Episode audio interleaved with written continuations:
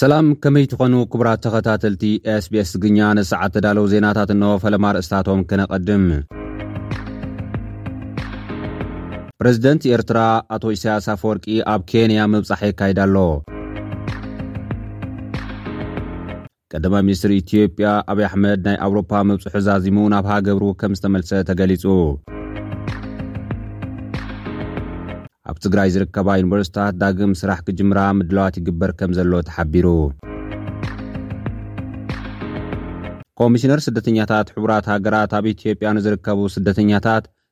ተወሳኺ ሓገዝ ሓቲቱ።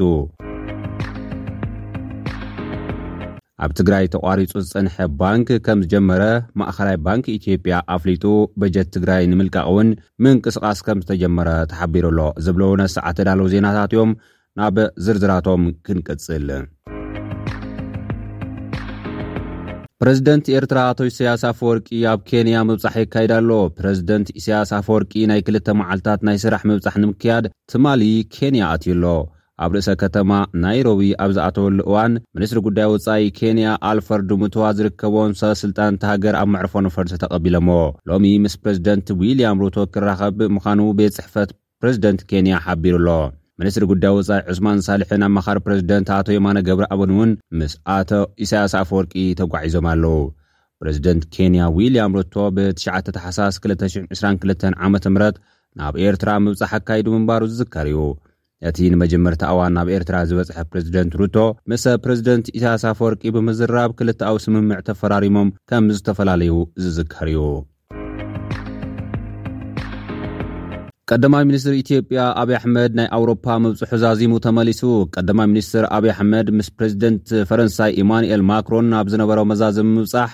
ውጽኢታዊ ዘተ ምክያዱ ኣፍሊጡ'ሎ። እቲ ቀዳማይ ሚኒስተር ኣብ ጣልያንን ማልታን ዝነበሮ ዑደት ስራሕ ዛዚሙ ናብ ፓሪስ እንትኣቱ፣ ፕረዚደንት ፈረንሳይ ኢማኑኤል ማክሮን ኣቀባብላ ዝገበረሉ ኮይኑ፣ ምስ ኢማኑኤል ማክሮን ኣብ ዝነበሮ ጻንሒት ውጽኢታዊ ዘተ ምስላጡ ኣብ ማሕበራዊ መራኸቢኡ ኣብ ዘስፈሮ መልእኽቲ ኣመልኪቱ።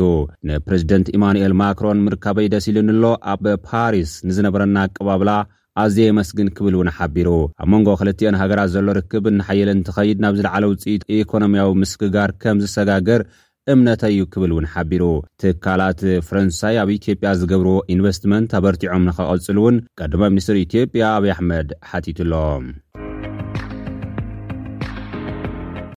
ኣብ ትግራይ ዝርከባ ዩኒቨርሲታት ዳግም ስራሕ ንክጅምራ ኣድላይ ምድላው ይግበር ከም ዘሎ ሚኒስትሪ ትምህርቲ እታ ሃገር ኣፍሊጡ።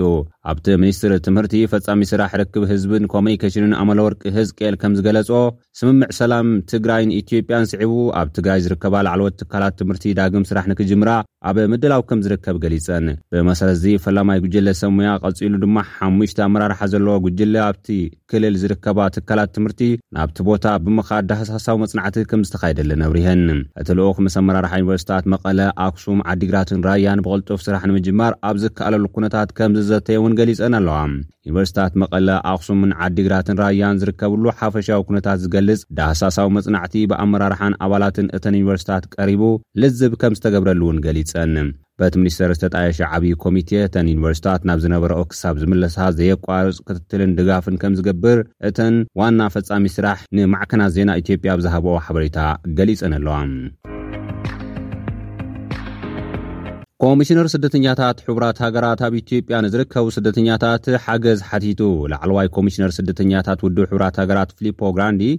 ኤርትራውያን ኣብ ዝርከብሉ መዓስከር ስደተኛታት ኣለም ዋጭ በጺሑ ምስቶም ስደተኛታትን ወከልቶምን ምዝራቡ ተሓቢሩ ኣሎ። ፍሊፖ ግራንዲ ኣብቲ ናይ ዕዳባት ዑደቱ ምስ ዳይሬክቴር ጉዳያት ተመለስቲ ስደተኛታት ኢትዮጵያ ኣቶ ተስፋሁን ጎበዛይ ብሓንሳብ ኮይኑ እዩ ነቲ ዑደት ኣካይዱ። ንኩነታትን መነባብሮን እቶም ስደተኛታት ምስ ተዓዘበ ኣብ ዝሃቦ መግለጺ ኣብ ዝሓለፈ ዓመት ኢትዮጵያ ፍርቂ ናይቲ ስደተኛታት ክትረኽቦ ዝተለመቶ መጠን ገንዘብ ምርካባ ዓብዪ ክፍተት ከምዝነበረ ገሊፁ። ወሲኹ ምስ ስምምዕ ሰላም ኢትዮጵያ ተዛማዲ ሓገዛት ናይ ምብፃሕ ተኽእሎታት ለገስቲ ኣካላት ኣበርቲዖም ከሐይሉ ፀዊዑ ኣሎ። ፍሊፖ ግራንዲ ብምቕፃል ብሕልፊ ንኤርትራውያን ስደተኛታት ዝወርዶም ተደጋጋሚ ምጉስቛል ብምምልካት ኩላቶም መሻርኽቲ ኣካላት ሓገዝ ኣበርኪቶም ነቲ ዘሎ ፀገም ኣብ ምፍታሕ ክሰርሑ ፀዊዑ። ኣብ መዓስከር ስደተኛታት ኣለምዋጭ ኣስታት ዕስራን ክልተን ሽሕ ዝበፅሑ ስደተኛታት ተዓቝቦም ምህላዎም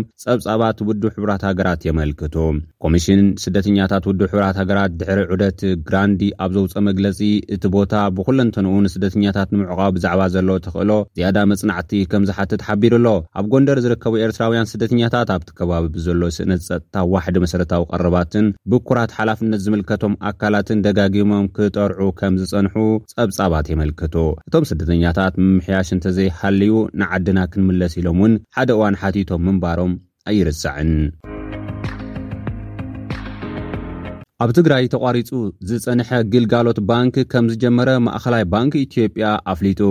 ምስ ምውላዕ ኲናት ግልጋሎቱ ኣብ ትግራይ ተቋሪፁ ዝፀንሐ ባንክታት ኢትዮጵያ ከም ዘጀመረ ማእኸላይ ባንክ ኢትዮጵያ ኣብ ዘውፅኦ ሓበሬታ ኣመልኪቱ ኣሎ።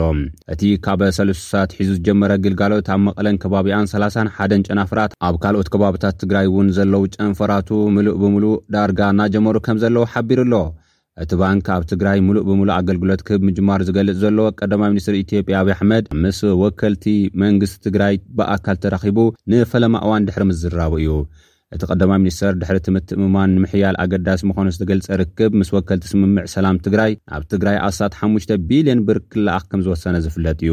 ኣብቲ ምስ ቀዳማይ ሚኒስትር ኢትዮጵያ ዝነበረ ዘተ ምስ ምምስራት ግዝያዊ መንግስቲ ዝምልከት ኣቶ ጌታቸው ረዳ ኣብ ዝሃቦ መብርሂ ኣብቲ ምስ ቀዳማይ ሚኒስተር ዝገበርናዮ ዘተ ናብ ትግራይ ገንዘብ ብምልኣኽ ባንክታት ናብ ኣገልግሎት ንክምለሳ ከምዝተዘራረብና ክገልጽ እደሊ ዝበለ ኮይኑ በጀት ክልል ትግራይ ክልቀቕ ዝብል ሕቶ እውን ኣብቲ መድረኽ ዘተ ዝቐረቡ ኮይኖም ብመሰረት ኣብ ፕሪቶርያ ዝተፈፀመ ውዕሊ ሰላም ኣብ ትግራይ ግዝያዊ መንግስቲ ክጣየሽ ምግባር ብቐዳምነት ክውገን ዘለዎ ተግባር ምዃኑ ከምዝዘተይሉ ገሊፁ።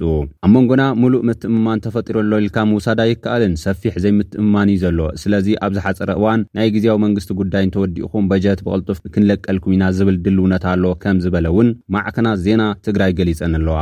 ምስዚ ተዛሚዱ ምዕራብን ደቡብን ትግራይ ናብ ቦትኦም ክምለሱ እውን እቲ ሓላፊ ኣእንፊቱ ኣሎ።